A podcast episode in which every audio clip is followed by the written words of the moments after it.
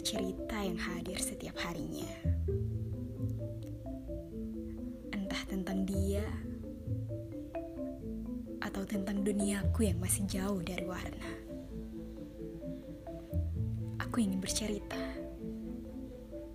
tentang aku dan rasaku untuk semesta.